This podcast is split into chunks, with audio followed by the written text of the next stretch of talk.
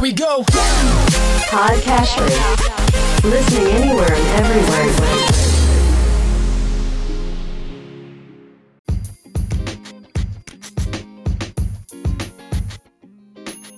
Welcome to Weekly Investment Podcast bersama saya Ferdian Syahputra dari Ispring Investment Indonesia untuk Prudential Indonesia.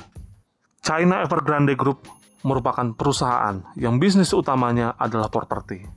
Perusahaan ini berkantor pusat di kota Shenzhen, Tiongkok, dan didirikan pada 1996 oleh Su Jiayin yang merupakan salah satu orang terkaya di Tiongkok.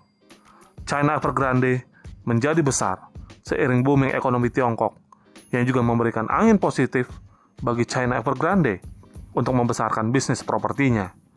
China Evergrande telah mengerjakan 1.300 proyek, mulai dari komersial hingga infrastruktur, 200.000 karyawan, dan secara tidak langsung menciptakan 3,8 juta lapangan kerja.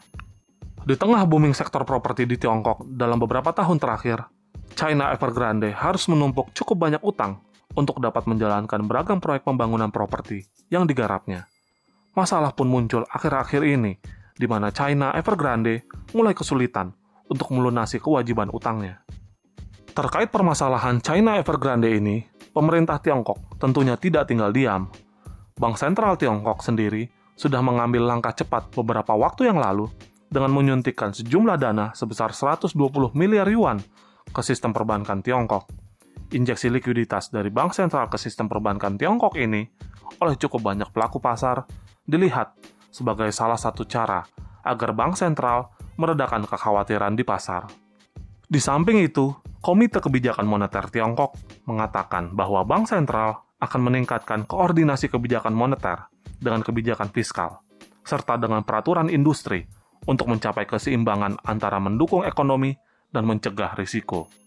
Sebagai salah satu perusahaan properti terbesar di Tiongkok, terancam bangkrutnya China Evergrande telah memantik perhatian dunia dan dikhawatirkan dapat menimbulkan risiko sistemik ke perekonomian Tiongkok.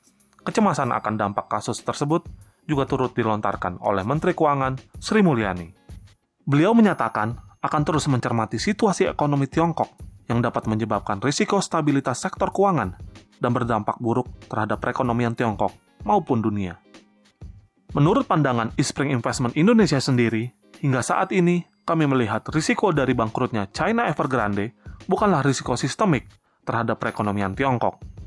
Kami percaya pemerintah Tiongkok dapat menyelesaikan permasalahan ini. Meskipun di satu sisi, kekhawatiran dari bangkrutnya China Evergrande ini dapat memberikan sentimen negatif yang dapat menciptakan volatilitas pada pergerakan harga aset-aset berisiko, baik saham maupun obligasi.